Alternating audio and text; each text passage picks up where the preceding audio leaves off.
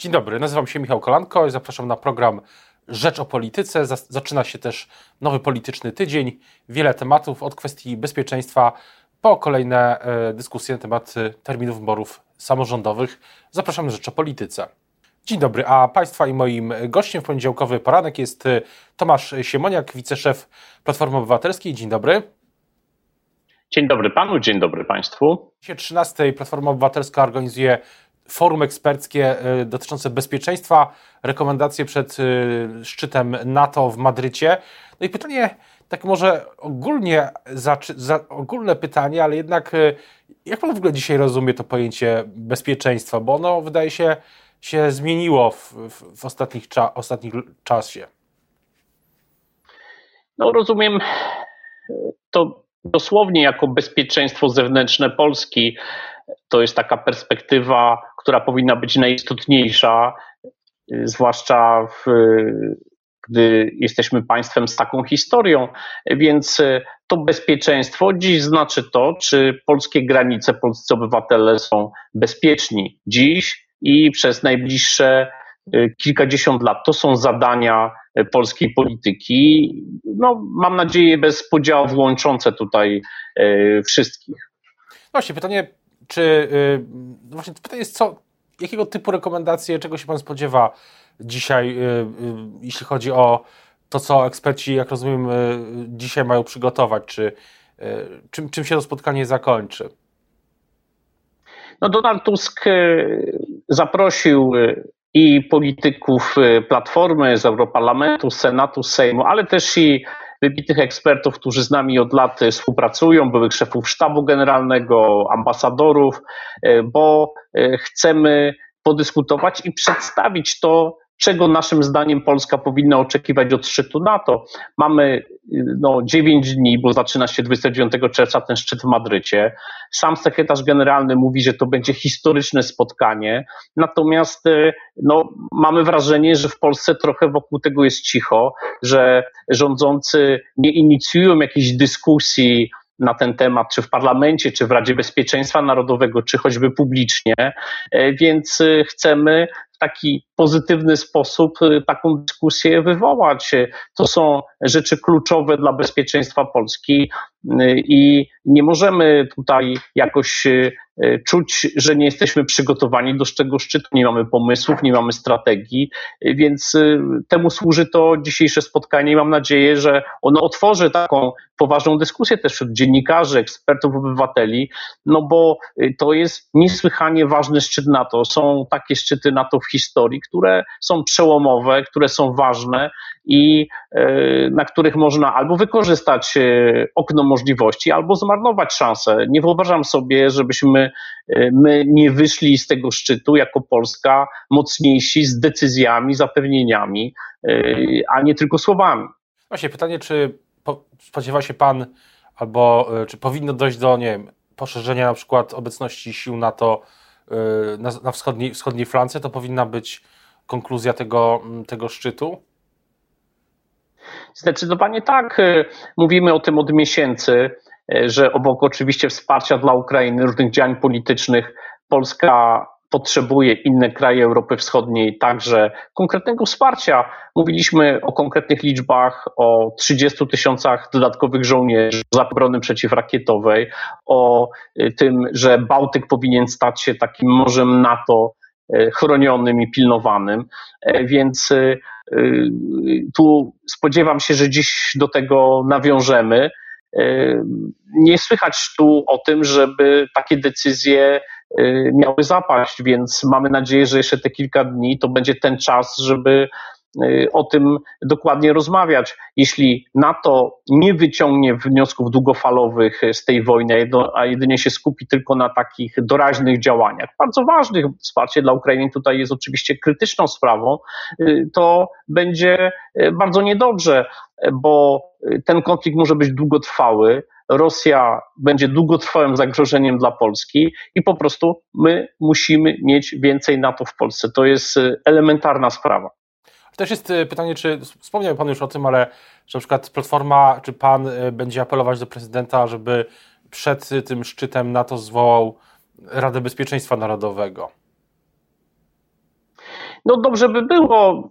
Nie chcę tutaj apelować, bo, bo to takich apeli w przeszłości z różnych stron było y, bardzo dużo. Y, no, sądzę, że doświadczenia prezydenta z trzema posiedzeniami Rady Bezpieczeństwa Narodowego, na których byłem w, przed wojną i w, i w czasie już wojny, były pozytywne, to znaczy była taka jedność sił politycznych wokół interesów bezpieczeństwa Polski, więc myślę, że to nie jest już jakiś szczególny problem, ale no, wydaje mi się, że w wielu różnych sprawach y, taka energia też prezydenta osłabła polityczna czy rządu na rozmowy z opozycją, na pozyskiwanie sił politycznych do różnych rzeczy, więc nie potrafię powiedzieć, czy prezydent zechce zwołać, a może ją zwoła po po prostu szczycie E, ale zdecydowanie lepiej byłoby, gdyby to było przed, gdyby to polskie stanowisko e, miało wsparcie wszystkich sił politycznych. To ma znaczenie. No, NATO jest organizacją demokratycznych państw e, i wszyscy wiedzą, czy przyjeżdżający prezydent ma wsparcie całej sceny politycznej w swoim kraju dla jakichś rzeczy, czy nie. I to ma znaczenie. I jakkolwiek wygląda w Polsce polityka wewnętrzna, pełna napięć, polaryzacji, połajanek, to za granicą to ma znaczenie. No jest takie amerykańskie e, powiedzenie e, bipartisan, tak? Znaczy to jest zawsze bardzo ważne, jeśli w Stanach Zjednoczonych na przykład poparcie dla Ukrainy jest bipartisan, czyli dwie wielkie siły to wspierają, to wszyscy wiedzą, że to nie będzie przedmiotem walki politycznej, że zmiana prezydenta czy układu sił parlamencie nie wywróci tego. To są bardzo ważne rzeczy i w sprawach bezpieczeństwa im więcej takiej zgody, y, to, to tym lepiej po prostu. Na ile, na ile ma, ma pan takie wrażenie, czy ma pan takie wrażenie, że, że szeroko pojęty Zachód, y, zachodnia Europa, zwłaszcza być może też właśnie Stany Zjednoczone, o których pan wspomniał, są, są w jakimś sensie zmęczone tą wojną? Czy, czy, czy obserwuje pan takie zmęczenie? W sensie opinii publicznych y, na pewno tak, y, to i w Polsce występuje. To jesteśmy tutaj w takiej cywilizacji medialnej, gdzie potrzeba zmian, potrzeba szybkich rozstrzygnięć, seriale muszą się jasno kończyć, a tutaj mamy y, coś, y, z czym jakoś sobie nie radzimy w dłuższym okresie, bo trwa długo, perspektyw na zakończenie nie widać, nie jest jasne, kto wygrywa, kto przegrywa. I my w Polsce oczywiście jesteśmy znacznie bardziej skupieni z rozmaitych powodów na tym, co się dzieje w Ukrainie, natomiast y, na świecie to wystarczy pośledzić media, czy w zachodniej Europie, czy nie wiem, w Stanach Zjednoczonych, widać jak też inne tematy no, stają się równie ważne i z natury rzeczy y, opinia publiczna skupia się na innych sprawach. Na pewno y, skutki tej wojny takie niemilitarne wprost, no, są odczuwalne przez y, dziesiątki, setki milionów obywateli na Ziemi i, i pewnie oni się tym martwią bardziej, tak, cenami y, ropy naftowej, czy cenami zboża, brakami zboża. To są, to są rzeczy, które no, bardzo mocno wpływają na różne oceny. Właśnie, ale wywołał Pan temat zboża. Też dzisiaj w Rzeczpospolitej piszemy na pierwszej, na jedynce o tym, o tej inicjatywie prezydenta Bidena, żeby budować, e, nie tylko, żeby budować takie tymczasowe silosy na ukraińskie zboże, żeby odblokować w ten sposób eksport tego zboża poza, e, poza Ukrainę zablokowana, teraz jest droga, droga morska. No i Polska miałaby być jednym z uczestników e, tego projektu. Z tych moich rozmów wynika, że rząd jest otwarty na, takie, na taką inicjatywę. Czy, no i właśnie, czy to, to jest coś, co ma ponadpartyjne wsparcie? Czy to, to jest coś, co też na przykład, no, dzisiaj będzie omawiane? Na pewno tak. To jest element wsparcia Ukrainy, ale nie tylko, bo przecież Ukraina jest tak znaczącym E, producentem zbóż, że to wpływa na taki bilans żywnościowy świata, zwłaszcza e, państw e, no, zmuszonych z powodów klimatycznych, różnych innych do importu, więc to jest fragment większej całości po prostu, a nie tylko sprawa eksportu z państwa, które toczy wojnę. Więc uważam, że te E, pomysły, to co, o czym mówi prezydent Biden, jest bardzo racjonalne i tutaj powinniśmy wyjść naprzeciw. Oczywiście tutaj jest e, wątek rynku polskiego i sytuacji w Polsce, ale no, rozumiem, że w ręku rządu czytałem pański tekst w tej sprawie jest takie zorganizowanie tego, żeby no wszyscy na tym skorzystali i nikt nie ucierpiał w sensie jakichś zakłóceń rynkowych w Polsce. Natomiast do jeszcze innych pomysłów, to, to jest temat, który będziemy, który uważnie, uważnie śledzimy. Te decyzje mają zapaść wkrótce, tak jak to rozumiem, w ciągu najbliższych kilkunastu dni, ze względu też na no, samą naturę tej sytuacji, żniwa i, i, tak dalej. Natomiast e, pytanie jest e, o inny pomysł, który też gdzieś czasami, czasami pojawia mm, e, w tej dyskusji wokół wojny na Ukrainie, że ta wojna jest takim katalizatorem lepszych, nie tylko lepszych relacji polsko-ukraińskich, ale może być też katalizatorem wręcz takiej jakiejś, jakiegoś rodzaju, czy wprost w, w polsko-ukraińskiej federacji. To się, to się pojawia czasami i na przykład ostatnio no i pytanie, co, co pan na to? Słyszy pan takie hasło Polsko-Ukraińska Federacja? Nawet w Sejmie parę miesięcy temu, parę, kilkanaście tygodni temu prezydent Zełenski też w, w polskim Sejmie do tego mm, nawiązywał, mówiąc, że razem jest nas 90 milionów. Wszystko, co poprawia relacje polsko-ukraińskie, wspiera Ukrainę, wspiera Polskę, jest dobre. Natomiast e, tego rodzaju e, pomysły, jeśli zwłaszcza wypowiadane są przez ważne osoby, takie jak doradca prezydenta jakiejś Unii czy Federacji, uważam są krokiem za daleko, bo są natychmiast wykorzystywane przez rosyjską propagandę przeciwko Ukrainie i przeciwko Polsce. Polska jest takim dyżurnym celem tej propagandy i jedną z figur tej propagandy jest to, że e, Polska chciałaby e, odzyskać, pozyskać, zdobyć zachodnią część e, Ukrainy i tego rodzaju wypowiedzi są natychmiast do takiego worka wrzucane i szkodzą Polsce i też szkodzą Ukrainie. Zwróćmy uwagę, Ukraina toczy wojnę dlatego, że napadło na nią państwo, które chce takiej wymuszonej federacji z Ukrainą, takiej no, typu Związek Radziecki kiedyś, która była wymuszoną federacją różnych, różnych państw. E, więc e, my tutaj musimy być bardzo ostrożni i precyzyjni w rozróżnianiu tego, co jest e, najlepszymi relacjami, dobrymi relacjami, budowaniem różnych tutaj porozumień, a sugerowaniem jakichś bytów politycznych, które e, no, gdzieś tam e, ożywiają może wyobraźnię paru publicystów i polityków w Polsce, ale są no, kompletnie nierealne.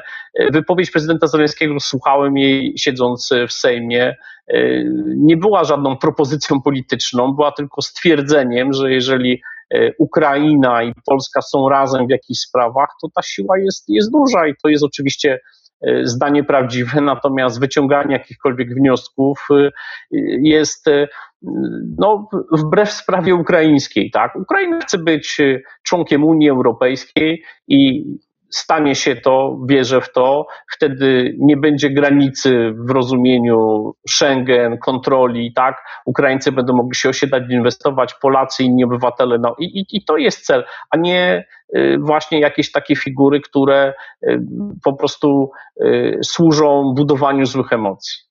No, jeszcze kończąc ten wątek, chciałbym zapytać, zapy, chciałbym zapytać o Pana ocenę teraz dzisiaj tej sytuacji wojennej, bo od y, wielu miesięcy ta wojna w tej nowej fazie się toczy.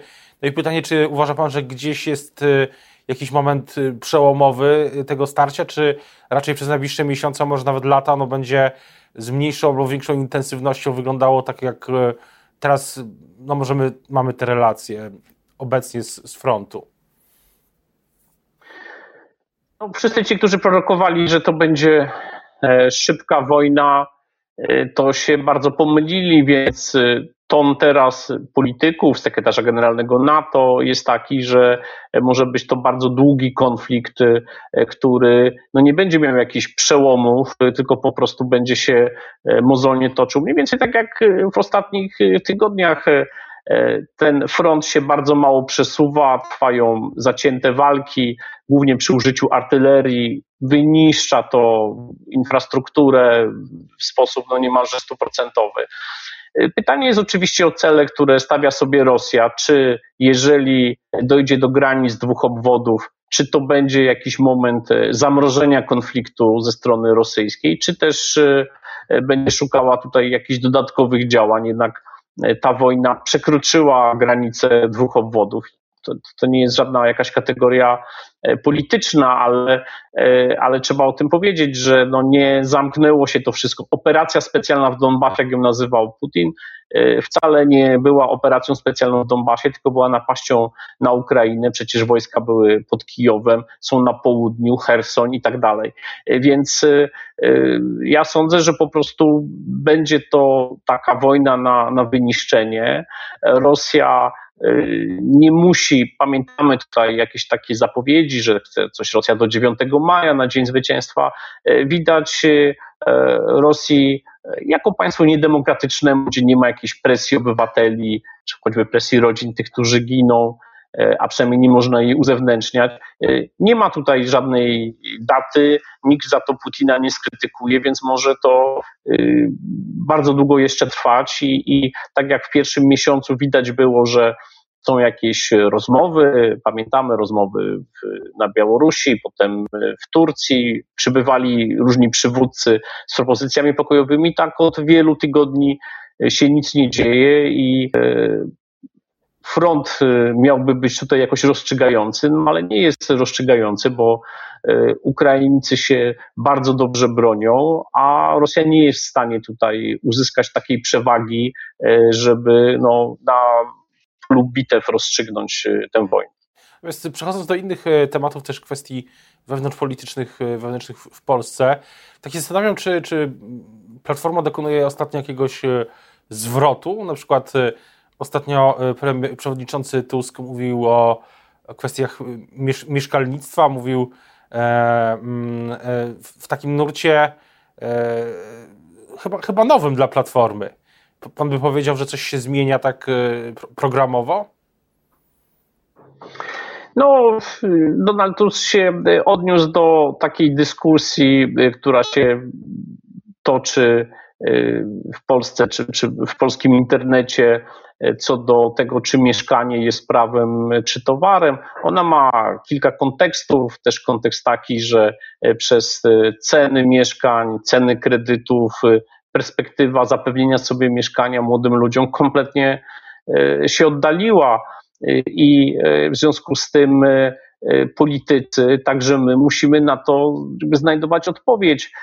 Ja uważam, że taki dylemat jest trochę źle postawiony, bo mieszkanie jest i prawem, i towarem, to znaczy powinno być prawem w tym sensie, że ludzi, których na to nie stać, powinny gminy czy państwo wspierać, budować mieszkania kwaterunkowe, tak się kiedyś mówiło, te miejskie, gminne, e, i też stwarzać warunki do tego, że ci, których na to stać, y, no, są w stanie kupić te mieszkania. Więc y, w tym sensie Donald Tusk, zwłaszcza, że mówił to do, do ludzi młodych, to było przecież spotkanie młodych na zaproszenie Platformy w Małopolsce, jakby wyciąga wnioski z tej, z tej sytuacji.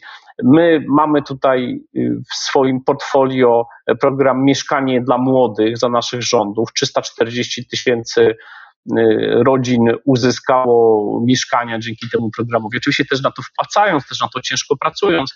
E, żaden inny porównywalny program nie pojawił się później klapa kompletna mieszkania plus ze strony PiSu, co oznacza, że y, opozycja tutaj musi zbudować jakiś, y, jakiś sensowny pomysł, bo y, staje się to ogromnym problemem dla zwłaszcza młodych ludzi, młodych małżeństw, młodych rodzin, bo nie są w stanie po prostu nawet zapożyczając się Y, uzyskać mieszkania. Zresztą ceny wynajmu mieszkań też, też wzrosły z rozmaitych powodów. Na koniec, na koniec tylko zapytam o, o to, czy w trakcie tej konwencji, kongresu Platformy za kilka tygodni, na początku lipca, mm, też będziemy słyszeć nowe pomysły programowe, czy to będzie bardziej kongres czy konwencja polityczna? No jedno i drugie, nie ma już teraz y, polityki bez programu ani programu bez polityki. Mamy za sobą całą serię kongresów programowych, y, ogólnokrajowych y, i regionalnych, także e, Platforma jest bardzo rozdyskutowana programowo. Wiele tutaj nowych pomysłów się pojawiło i z pewnością będziemy chcieli je 2 lipca w Radomiu puentować i e, przedstawiać. E, ta konwencja no to jest już taki start do przyszłorocznych kampanii wyborczych i chcemy powiedzieć obywatelom, z czym do tych wyborów chcemy iść, tak? Jaka jest tutaj propozycja. Kwestie mieszkaniowe bardzo ważne. Chcemy no, no, po prostu powiedzieć to, że nie idziemy tylko, żeby odsunąć PiS od władzy, ale mamy całą listę bardzo dobrych pomysłów na przyszłość, y, odpowiadających wyzwaniom y, współczesności i, i, i że o tym chcemy, żeby była ta, ta kampania. PiS trzeba odsunąć od władzy, bo po prostu źle rządzi, łamie praworządność, robi złe rzeczy. Natomiast budowa nowej Polski po tych wyborach no, musi być takim zadaniem, które nie będzie e, nosiło znamion, że my chcemy wrócić do tego, co było przed 2015, tylko po prostu trzeba dokonać skoku cywilizacyjnego w różnych obszarach. E, świat nam ucieka. No, kto jeździ po świecie, widzi, jak, jak, e, jak wiele się zmienia, jeśli chodzi o różne rzeczy, a my tkwimy no, trochę w takim trochę w takim klinczu, y, który się przenosi na bardzo wiele obszarów, nie wiem, energetyka, edukacja, można tutaj mnożyć, mnożyć przykłady. Stoimy od, od paru lat mocno w miejscu albo się cofamy, no to trzeba zmienić. O konwencji y, Platformy Obywatelskiej w Radomiu no, będziemy jeszcze wielokrotnie mówić. Teraz bardzo już dziękuję za rozmowę. Państwa i moim gościem dzisiaj był Tomasz Siemoniak, wiceszef Platformy Obywatelskiej. Dziękuję bardzo. Do usłyszenia i do zobaczenia. Dziękuję.